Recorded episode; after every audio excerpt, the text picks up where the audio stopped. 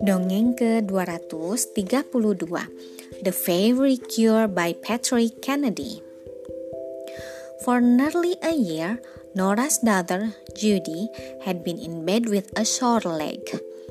There was nothing that anyone could do.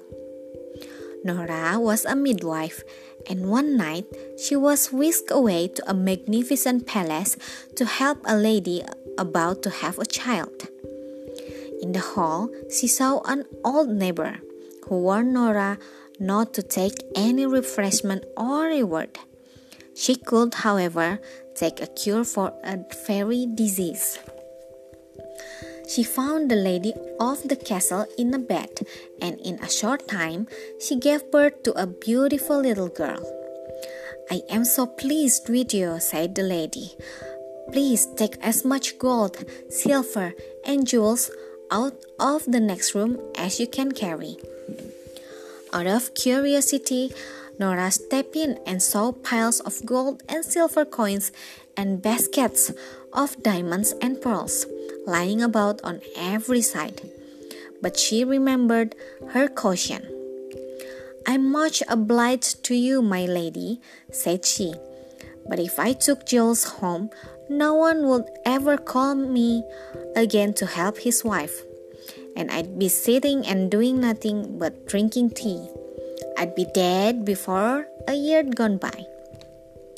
Oh dear, said the lady, what an odd person you are. At any rate, sit down at the table and help yourself to food and drink. I'm not hungry, thank you, ma'am. Alas, is there any way in which I can show you how grateful I am for your help and skill? Indeed, is there, ma'am.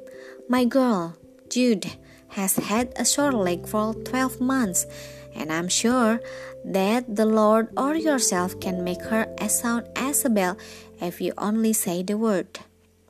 Ask me anything but that. Oh, lady dear, that's giving me everything but the thing I want. You don't know the offense your daughter gave to us, or you would not ask me to cure her. You know that all the fairy court enjoy their lives in the night only, and we frequently go through the country and hold our feast where the kitchen and especially the hearth is swept up clean. About a twelve months ago, myself and my ladies were passing your cabin, and one of the company liked the appearance of the neat thatch and the whitewashed walls and the clean pavement outside the door, so much that she persuaded us all to go in. We found the cheerful fire shining, the well swept hearth and floor, and the clean pewter and plates on the dresser and the white table.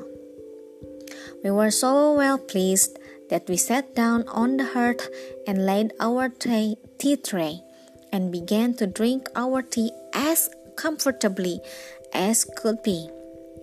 We were vexed enough when we saw your daughter come out of your bedroom and make towards the fire. Her feet were clean, but one of them would cover two or three of us. On she came, and just as I was raising my cup of tea to my lips, down came the show flat sole on it and spilled the tea all over me. I was very much annoyed, and I caught the thing that came next to my hand and hurled it at her.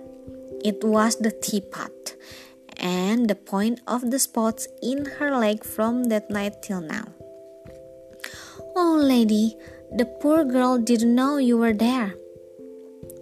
Well, take this ointment and rub it where you will see the purple mark, and I hope that your thoughts of me may be pleasant.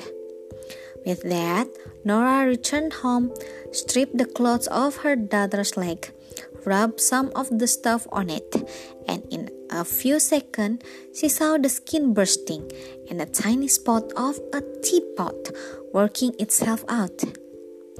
From then on, they took good care never to let her feet stray after bedtime, for fear of hurting any unseen visitors.